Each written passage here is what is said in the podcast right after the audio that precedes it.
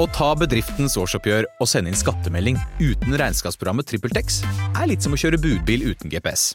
Du får nok levert, til slutt, men ikke uten å rote rundt og bruke masse tid. Med TrippelTex kan du stole på at du har riktig verktøy til regnskapsjobben. Prøv gratis på TrippelTex.no. Jernverket som ukentlig podkast nærmer seg slutten, så nå blir jeg bare snavl. Hals på Repulsion intervjua når de spilte i Norge. Jeg heter Helle Steinkløv, her er Jernverket. Men eh, du, før intervjuet er noe jeg må si. For det er ikke gratis å lage Jernverket, så om du vil støtte produksjonen av programmet, er det helt genialt om du vil donere et par eh, slanter. Det går an å trekke et fast beløp hver måned via patrion.com jernverket, eller gi en enkeltsum via VIPS nummer 567438. Informasjonen og lenkene står i episodebeskrivelser, og beløpet er selvsagt valgfritt. Bidraget går rett til Jernverket. Tusen takk for alt jeg har fått inn hittil. Jeg er takknemlig for hver eneste kron.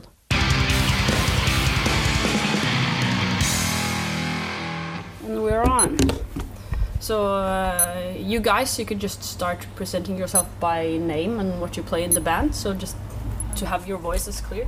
Sure. Uh, my name is Matt, and I play guitar. I'm Scott. I play bass and uh, sing, or whatever you want to call it, in uh, Repulsion. So, founding members of Repulsion here. Uh-huh. Uh, I thought we could start at the beginning, as we always do in an interview. Uh, Repulsion started around 1986, but uh, before this, you were in a band called Tempter and then uh, Genocide. Uh, could you tell us about your early musical history, and starting with Tempter and continuing uh, through Genocide and what was it, Ultraviolence and Yeah. Oh boy. Scott, why don't you go? Yeah, it all. Sta- I mean, it started with uh, really uh, the, Matt and I playing together started when we, we we were we'd known each other since we were in Scouts when we were like eight or ten years old, and um, we lost we sort of lost contact after we lived in the same neighborhood, but we didn't really run in the same circles for years, and then uh, in middle school, which is like you know ninth grade or so, I. Uh, at the end of middle school. I ran into Matt at school one day. We started going to the same school, and uh, he came uh, to my house after school one day, and I was playing him a bunch of heavy metal records, and uh, he went out and bought a guitar after that, and we started playing music together. We we started out like making little stop motion animation uh, horror movies and stuff together, and then it sort of uh, you know, I've always been a music fanatic, and, and Matt it rubbed off on Matt, so we sort of uh, started collaborating on music.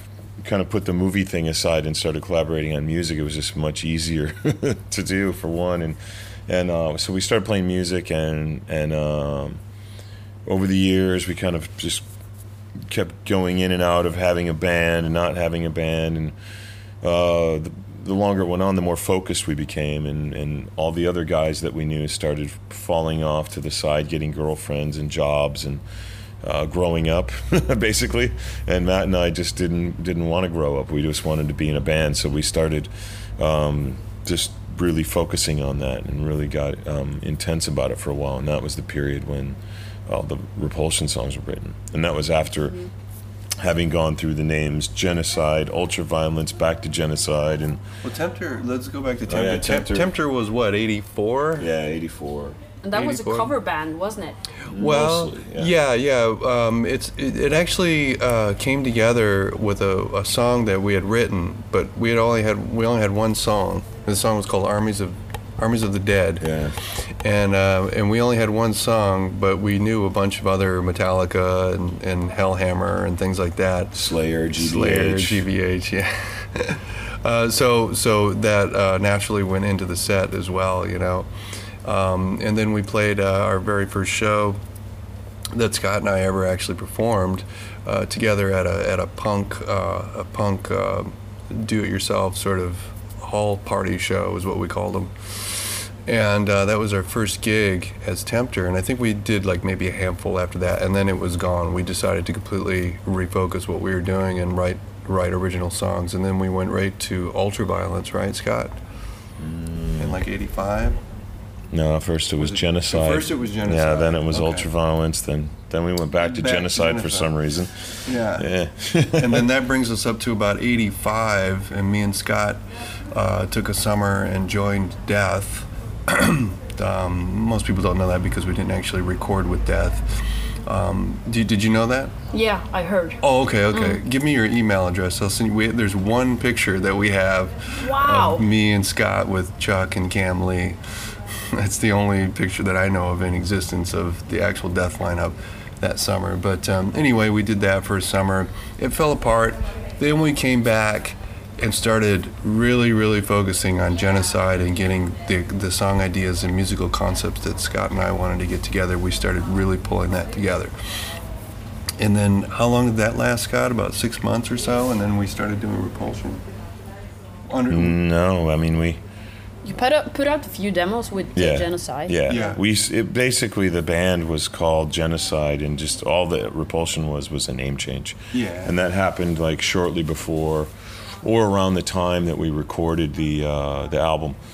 uh, Because we were just starting to get a lot of emails, or not emails. It's so funny how your, how your mind plays tricks on you when you think think back. But uh, yeah, we got started getting a lot of letters and uh, from other bands claiming that they were genocide and that they'd been around longer. And I didn't want to argue. I didn't really care for the name anyway. It was just something that we grabbed when we were kids from a Judas Priest song, and uh, I never really cared for it. And uh, I already had already written a song called Repulsion, and I really liked that word, and um, so it was like a no-brainer. The only reason we hadn't changed already already changed the name is because you know, we were kind of known. We were starting to get known as genocide, and I'm like, well, it's too late to change the name now. But once once the uh, other bands started challenging our our right to the name, I was just like, this is a no-brainer. Just change the name, simple.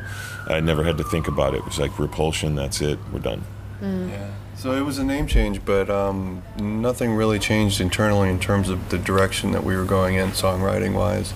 And we had a lot of the same songs written. Uh, the songs that would go on to become Horrified, or The Slaughter of the Innocent demo, which was, which brings us up to 86. Yeah, because Okay. the, the Slaughter of the Innocent was supposed to be the first album, is that correct? Yeah. Well, it was It was never intended to be a demo. It was intended to be an album, but we were not, we weren't getting any record deals. So it was the thought was uh, between us and this guy Doug Earp, who used to help the band out a lot, was let's record our own album and then shop it to record labels. So we re- recorded the album and then shopped it to record labels, and we got the same reaction that we got when we sent them our first demo. So we ended up just releasing it as a cassette, but that was never the intention. Was this is going to be our album, but it just didn't turn out that way. Yeah. So it um, basically when there was very little label interest um, in in the time after we recorded that demo, well, what Scott says, our album, we just basically then released it as a demo, the Slaughter of the Innocent demo. Um, it was a cassette demo. Is your thing okay? Yeah, yeah, I'm just putting up the sound. Oh, okay. Yeah, no problem. Uh, uh, so uh, th- at that point, I think all the energy and expectations that we put into it uh, started to implode a little bit, and um, we kind of s- started to come apart, and we we just started to move on. And uh, the repulsion story for me doesn't really pick up. I mean, we played some gigs here and there locally, but the repulsion story for me didn't really pick up again until 1989 when the when that demo was released as an album by Necrosis Earache Records. So in many ways, you were split up for a few years, or just messing around without Yeah. having a plan. Yeah, yeah. It wasn't like a formal "Hey, we're done," but it was just kind of like we lost interest in it. Just know? sort of drifted apart. Yeah. The band uh, honestly never really had like a super, aside from Matt and I being very focused on uh, getting something accomplished. It wasn't like a really tight knit band of people. It was more like out of necessity. you know what I mean? It was like we weren't like best friends with the drummer.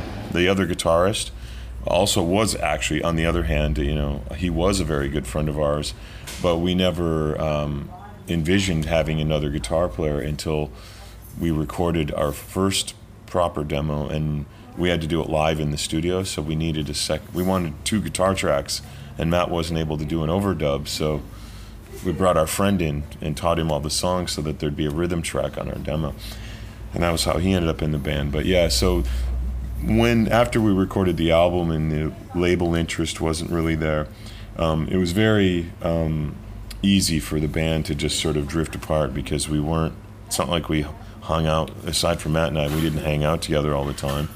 And um, uh, aaron the other guitar player that i just discussed um, had his son was born I would say probably three or four weeks after we finished recording the album. So, in fact, I know we recorded the album in June, and uh, it was maybe a week after because we were supposed to play in Toronto with Slaughter, and um, he wasn't going to play the show because his son was born. So, it was that fast after that the band just sort of started splintering.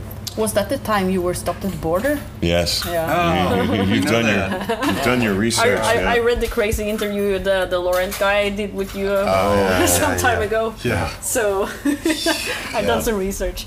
Yeah. Yeah, but um, uh, what about I? Uh, I uh, read that you had some trouble with uh, holding on to drummers, or that uh, finding a drummer that uh, would Oh, that fit was in. I think that was the death, the death era. also, okay. Yeah, we lost our our drummer in death, Kam Lee, and we couldn't find a drummer. But as far as Repulsion goes, I mean, we in the old days it was just Dave, Dave Grave, you know. I think she's referring to uh, the fact that we, like where we lived, there were no drummers, and we sort of found a guy that didn't really fit the bill and just sort of, uh, with his, with his, you know, uh, efforts and, and talent, sort of molded him into the guy that we wanted. Like he, when he started playing with us, he wasn't into speed metal or, or death metal or thrash.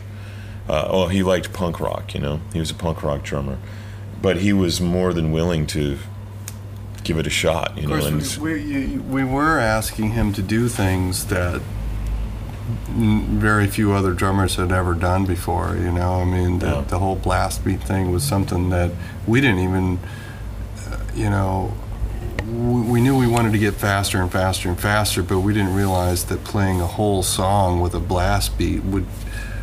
We didn't really know what, what that meant at that point. We, we, we just knew we wanted it, you know. And so there wasn't like any drummers for him to to emulate or, or look up to, you know. It was just kind of like, so yeah, me and Scott kind of had to mold him into what we wanted, you know.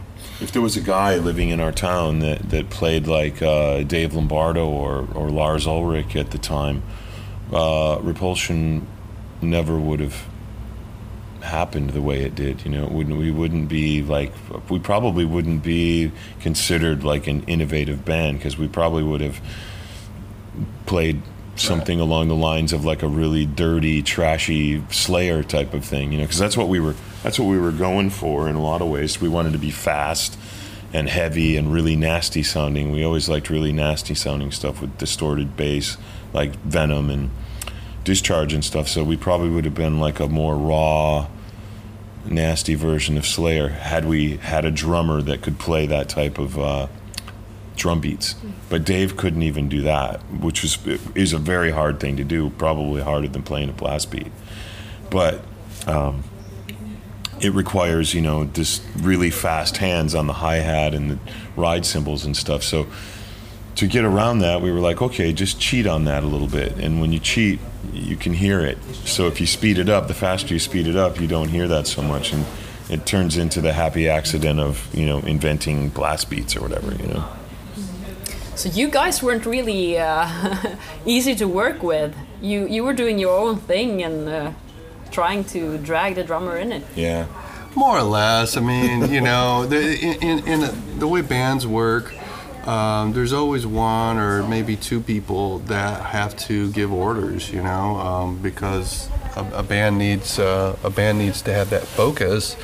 Um, otherwise, there's no um, there's no uh, voice. That you know what I mean. so you definitely run the risk of someone not liking, uh, you know, how how you treat them, but that's comes with the territory. we had the vision, you know. We, so But I also heard that Dave's background was one of the reasons you wanted to have him as a drummer, not just because he was a punk drummer, but also Yeah, because the- things he had done. There is the little, you know, incident of his uh, being arrested for grave robbing when he was 17 years old. So, yeah, that was that was how he came to our attention. Really, we knew. I, I mean, I knew of Dave before that.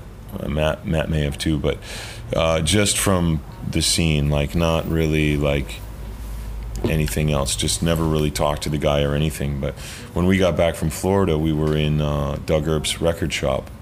Um, you know, just trying to and just kind of thinking about out loud about who should we get to play drums for our band, and uh, Doug was like, "What? What about Dave Hollingshead? You know, Bonehead." Dave, uh, Doug called him Bonehead. that was the nickname that uh, all the people in the punk scene like gave him after the whole grave robbing incident was was Bonehead. so we he looked at the bulletin board in the record shop and he had cut the article out of the paper um, about about Dave's uh, bust. And uh, if you look at the inner sleeve of Horrified, that that uh, newspaper clipping is the actual one that was hanging in the record store the day that we uh, the day that we found out about what he had done. And and then after he started playing with us I just dubbed him Dave Grave. You know just I don't know how it just happened at rehearsal one day or I might have said it on stage. I might have introduced him as Dave Grave and then just stuck after that. And he's just been Dave Grave ever since. Nice detail. yeah But um, could you uh, could you tell us about uh, the Horrified album? Because you only uh, gave out one album, and this one is it's not half an hour long. It's 29 minutes and Yeah. 18 songs. yeah, Uh, while other bands mostly play songs which are like three or to five minutes, you decided to make them really short, and there should be a lot of them. Why? Well, you know, the songs aren't um, the songs aren't really that short if you played them at a normal tempo. So I get my point is is that everything is there. It's not like an incomplete song, or it's not uh, the song really. The songs aren't really stylized in terms of their um, arrangement to be super short. They're they're just they have a full feature, you know, to them.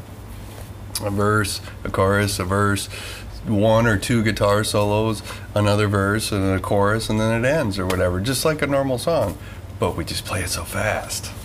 So um, it's probably a couple of albums worth of material if you played it at a normal thrash beat, you know. If you, if, yeah, if we were playing the songs at the speed that Slayer's playing on Reign in Blood, the album would be, you know, It'd be two it, albums. It'd be 50 minutes long or 55 minutes long, and uh, also another reason why there are so many songs is because they're they're short. And uh, DRI was a, a big uh, band in like 84, 85, and their records they had a seven inch that had 22 songs on it, and and it was one of our favorite records. And then and then they came out with a full length called Dealing with It that was probably 35 minutes long and it had 20 songs on it or something like that. So that was sort of the template it was like, oh, these really fast hardcore bands that we like, their albums have 18 or 20 songs on them, and that that was a that was like, okay, if we have 30 minutes worth of material, that's an album, you know. Yeah, that gave us permission to do it. You know, in, in my mind, that, that gave me per- permission to do what we did. But at the same time, the songs, the, the DRI songs, some some of them are just a few, you know, ten seconds long or whatever. So they're very stylized. And our ours, are, I don't really see them as being all that stylized in terms of their arrangement. But anyway, Uh, yeah, but Reign in Blood, I think, is also about 28 or 29 minutes long. you know.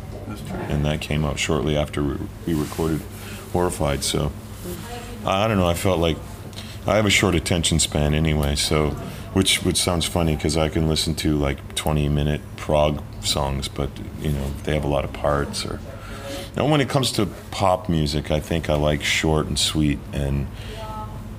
That's kind of how our songs have the very similar arrangement to a song like a Britney Spears song or something. You know, it's it's all a very um, common pop arrangement style. You know, like a radio. That's how radio songs are edited. Is verse, chorus, verse, chorus, a little bridge, and then another verse and chorus, and the song is over. That's how all of our songs are pretty much arranged. Solo, yeah. Guitar solo, synth solo, bridge. Yeah.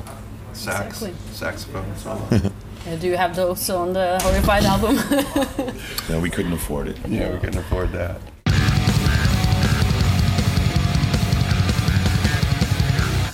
Even though if you uh, the stories you've told now, uh, they show that you weren't the first ones to do the short songs or the fast songs. Yeah. But even though you're one of the bands that stand as a cornerstone in the, the death metal, grindcore, crossover, or whatever you call it genre, why why do you think you uh, stand as a rock after all these years? Because many bands refer to you when talking about where they get their inspiration from. Yeah. That sort of answers the question. Yeah, that answers the question. That's what I was going to say. I mean, I, well, one day um, I uh, was talking to Shane uh, Embury from Napalm Death, and um, in Los Angeles, and I asked him, you know, who who influ- who was the biggest influence on you guys, Napalm Death? He said Repulsion. And then a few weeks later, I ran into Oscar Garcia from uh, Terrorizer, um, and I asked him, who was the biggest um, influence on you guys? Was it Napalm Death? He said, no, no, it was Repulsion. You know, and then if you ask Jeff Walker from Carcass, he'll say that, you know, that we were a big influence on those guys too. I, I couldn't I couldn't determine that, so I asked I asked the people that were the leaders, you know, in, in their own right, you know, and people that that are looked up to in the scene as leaders, um, the more known ones, and that's what they said. Yeah, I think it's just when you have people that have made as much impact as Napalm Death and Entombed and Carcass and bands like that, uh, they're very influential bands. You know, mo- more influential um, than Repulsion as far as their their The reach. the reach that they achieved. You know, they they achieved way more than we did because the they you know a lot of things they were probably more well they were more prolific for one thing and they also just uh, came along at just the right time where they could all get record deals and press and everything like that it, it all worked out. Um, in our favor because when those bands got big uh, and started doing interviews they mentioned our name and it just made kids interested in repulsion. And it just sort of uh, uh, once the internet and everything came along it all just sort of perpetuates itself. And at this point um, it seems like repulsion is more popular than ever just because of but i think that's the same for you know i was talking to a friend of mine in sweden yesterday we were talking about how all bands exist now. They're like all bands play. Everybody's playing. All these old old men are like back at it again because because they they never wanted to stop but sometimes you have to feed yourself so you have to stop and get a job or move on you know but but what everyone really wants to do is play music Yeah. so now with all these like amazing festivals all over the world and the internet and the connectivity that people have uh, old bands like Witchfinder General and Pagan Altar and all these new wave of British heavy metal bands uh, they can come back out of the woodwork and and and play shows and for the people that they always wanted to play in front of and the people that always wanted to see them can see them. And it may be a little different. They may be a little uh, heavier on the bottom and lighter on top but you know it's it's all fun in the end and uh, everybody if you're if you have the right expectations going into seeing a band that that is made up of a, of a bunch of 50 year old guys who haven't played together in 30 years sometimes it can be pretty damn good you know It does. It can. Yeah. I've seen examples. Yeah. Yeah.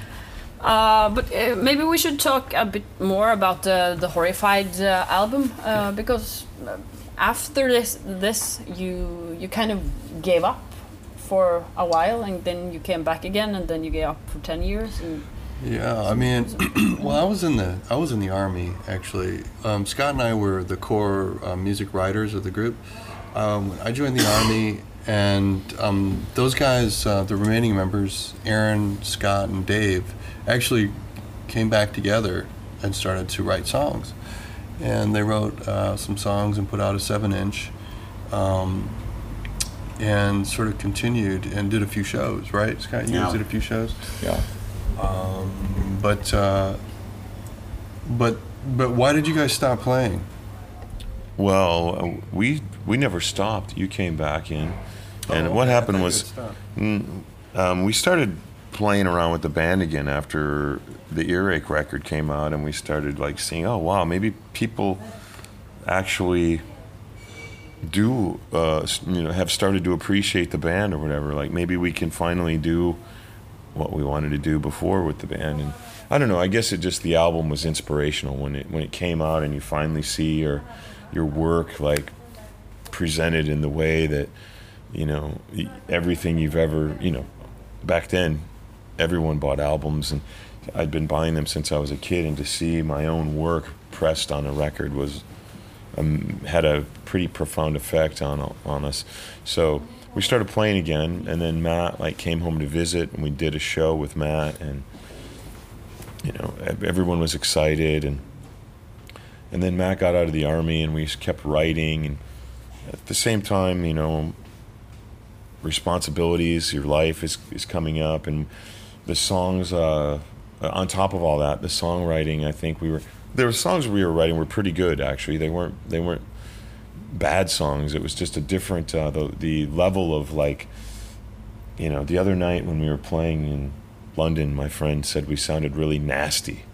You know, like how did you guys get that nasty sound? And and I'm like, that's what we always wanted to sound was nasty, like I was saying earlier. And the new songs didn't sound nasty. They were they were heavy and they were dark and they were death metal and they had blast beats and and they were way more diverse in a way. They had more varied tempos, but they weren't just teeth grinding, rusty razor to the throat, nasty the way our old songs are. And just, I just felt like uh, we weren't inspired enough at that time around. And and I moved away. I moved from Michigan to Chicago, and then Matt started another death metal band at that point. So um, and and then the whole time I was gone, and shortly after I moved to Chicago, I joined Cathedral. So I think we've always been around music and playing music. It just hasn't necessarily always gone far enough to put out a record or whatever. It just, but we've always been playing music. It's not like we've been away, you know, farming or doing something. You know, we've always been around being creative. But ca- cathe- cathedral is quite uh, different from uh, what you came from. In some ways, yeah, but I mean, it's it's a it's another form of musical extremity, which um, I think is not that different. You know, it's like the tempo is different, but other than that, it's it's a lot of similarities. You know, I mean, to me, just playing music, it's it's not that it's not really that different for me.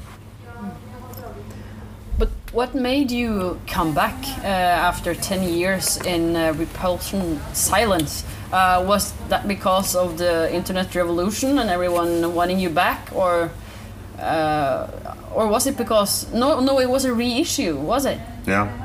Yeah, and then you were forced to come back. oh, oh, oh, oh, you're talking about okay. Now we're up to 2003. yeah, yeah, when- because okay, when the you reissue after came out, yeah. '91 you were in silence. Yeah. Yeah. Okay. Uh, well, yeah. In 2003, um, they did the reissue with uh, the demo tracks and everything, um, which was really neat. And then at that point, um, Scott and I, um, I moved to Los Angeles um, in 1995. Scott it came out a few years late uh, after that. Yeah, So- 98. yeah, so we we both were out there, but we, we hadn't talked about repulsion or anything in a long time. Just kind of like you know, fun memories kind of thing. And after 2003, after the reissue, we just started to, you know, maybe toy with the idea, um, and then uh, people started to contact our record label, uh, promoters, uh, Milwaukee, Dettel, um what is it called? Milwaukee Milwaukee Metal Fest. Metal Fest. Yeah, that reminds me. I was, we were talking about this yesterday in an interview, and, and I, I just remembered that actually Matt Jacobson, who, uh, you know, the founder of Relapse Records, um, sort of, you know, got us uh, pumped up about playing. It took him a while. He had to really convince us to play at Milwaukee Metal Fest, and you know, he, he when that reissue came out, he really wanted us to play Milwaukee Metal Fest, and he he rallied really hard uh, to get us to do that show. And we thought it was going to be just one show, and that was it. And uh, that's when the that's when the Rich, the guy that was at the time doing in-house booking for Relapse, said, "Well, you've done a show now. Let's just put your name on the booking roster and see what happens."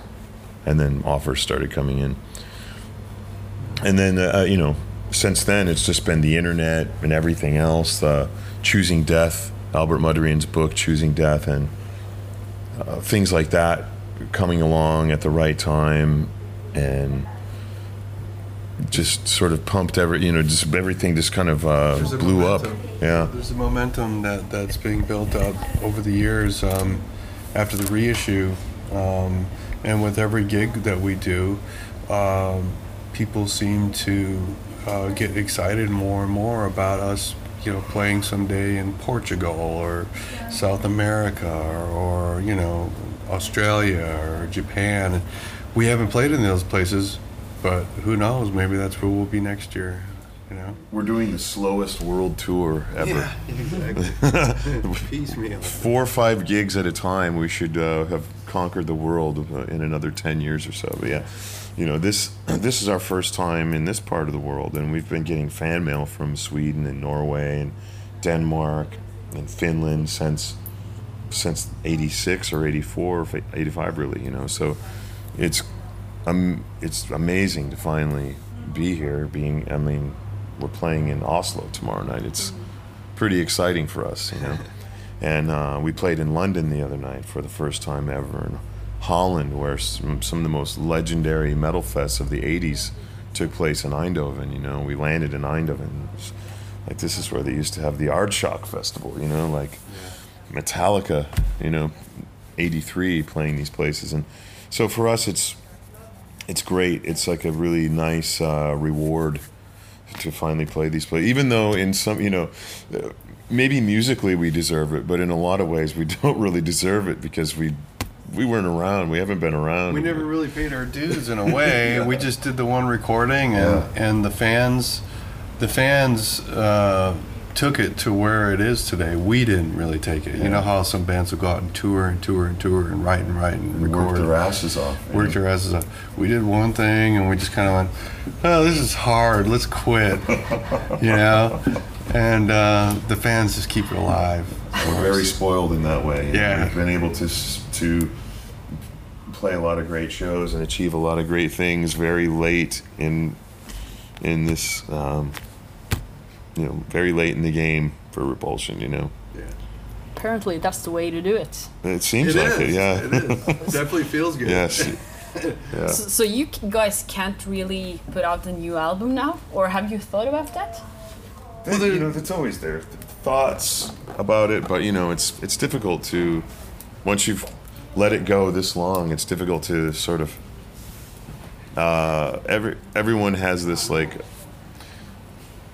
maybe even slightly overblown opinion about horrified. Like it's held up to this really high standard, and and uh, how do you? Um, I don't know where it is. I don't know where that it, that level is. So how do you get there? You know, Yeah, it's like it's not necessarily a can't either. It's more like a won't. You know, um, we we we won't we uh, won't likely uh, pursue that. You know, um, horrified is what it is. A big part of hor- the magic of horrified, at least the way that Scott and I think of it, is it was the age. You know, the attitude we had at that time.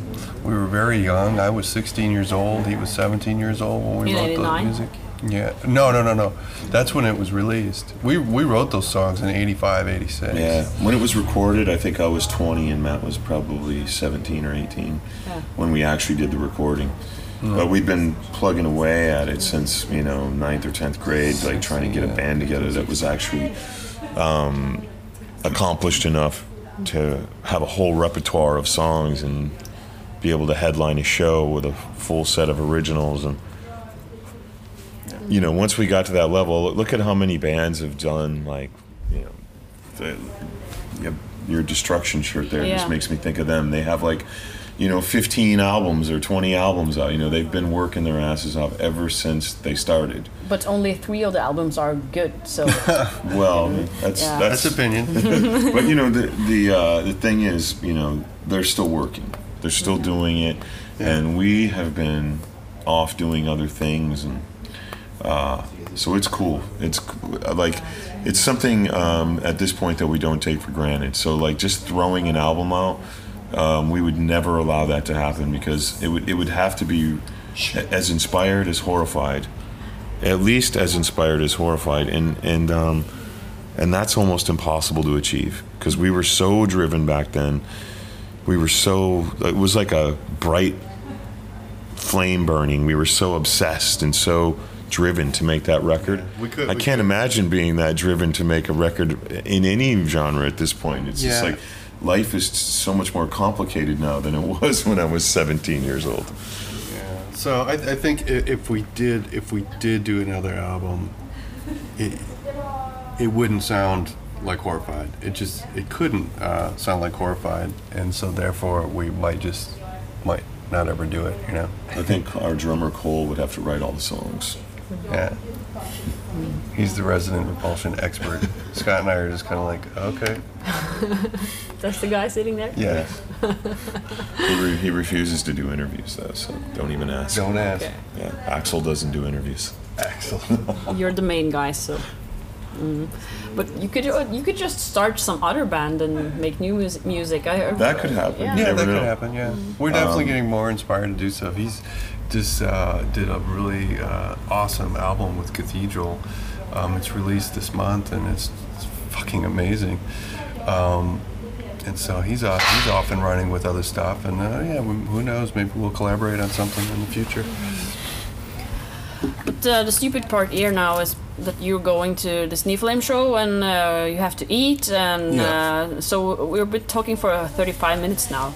Uh, but I wonder uh, if you guys could maybe pick eight songs that I could play on the show because when I do interviews, I want the bands to pick the songs. So if you could, you guys could pick eight metal or Just any band. yeah, any band, any song.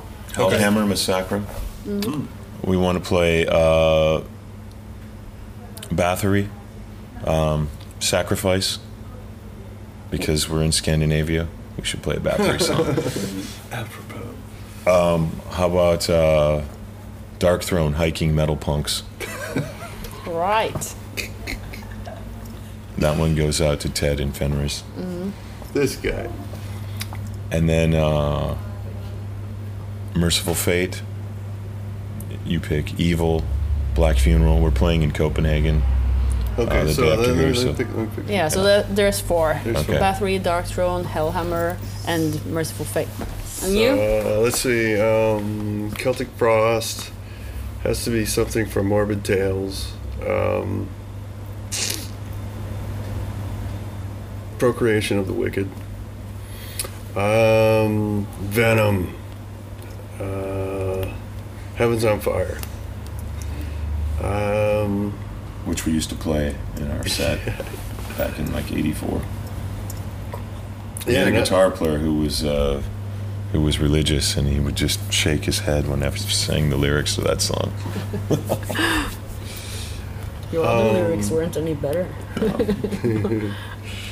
Uh, let's see what else. Um, ah, Slayer, in honor of Jeff Hanneman, piece by piece. And who else? Um, ah, I'm pressured now. It's got to be good. Uh, you know what? I'll go back to our original cover set and choose uh, Motorbreath by Metallica. Awesome. Makes a good list. Yeah. Just up in my alley. Cool. Uh, so, last but not least, could you make uh, a jingle uh, for the show? Go ahead, Scott. uh, Scott like- has the yeah, golden the, the normal. My name is blah blah blah. I'm from this band, and you're listening to Jernverket. I don't know if you can say that. Jernverket. Yarnvika. Yeah, Is that right? Yarnvika. yeah. Do you want me to do it uh, with some gusto? Yeah, that would be cool. Okay, I'll just keep this here. Yarnvika. Yeah. Mm-hmm. You want me to just say hello? This is Scott Carlson from Repulsion, and you're listening to Yarnvika, like that. Okay. yeah. Hello, this is Scott Carlson from Repulsion, and you're listening to Yarnvika. Du har hørt et intervju med Repulsion innspilt i 2013. Likte du det, kan du f.eks. høre pratene med Autopsy og Merciless. Neste uke skal vi ta en prat med kunstner Linn Halvorsrød, redaktør for boka 'Påskeaften 1996'. Episoden blir krydra med utdrag fra boka, lest av skribentene sjøl. Hvilket band spiller du i, da? Jeg spiller ikke i band, men det der er Ishan fra Emperor. Ja, det der, tenkte jeg. Om jeg ikke husker helt feil, så hadde han på seg en brun ullgenser. Det syns jeg var rart. Hvis ikke du gjør det ennå, så må du abonnere på Jernverket podkast via podkastapp, eller gå inn på jernverket.kom. Fortell alle du kjenner om podden, legg gjerne igjen ei god anmeldelse der du hører, og vil du bidra med noen kroner til Jernverket, så kan du gi støtte via Patrion eller Vips. Info i episodebeskrivelser. Og husk på å følge Jernverket på Instagram og Facebook, der er det konkurranser, diskusjoner og musikktips. Akkurat nå kan du vinne to Audiopain-skiver fra Katakomben og Duplicate Records. Jeg heter Helle Steinkløv og er nå inn i siste ordinære sesong med Jernverket, men det blir hardrockintervju hver fredag til og med 2. juli. Etter det får vi se hva som skjer. Vi høres!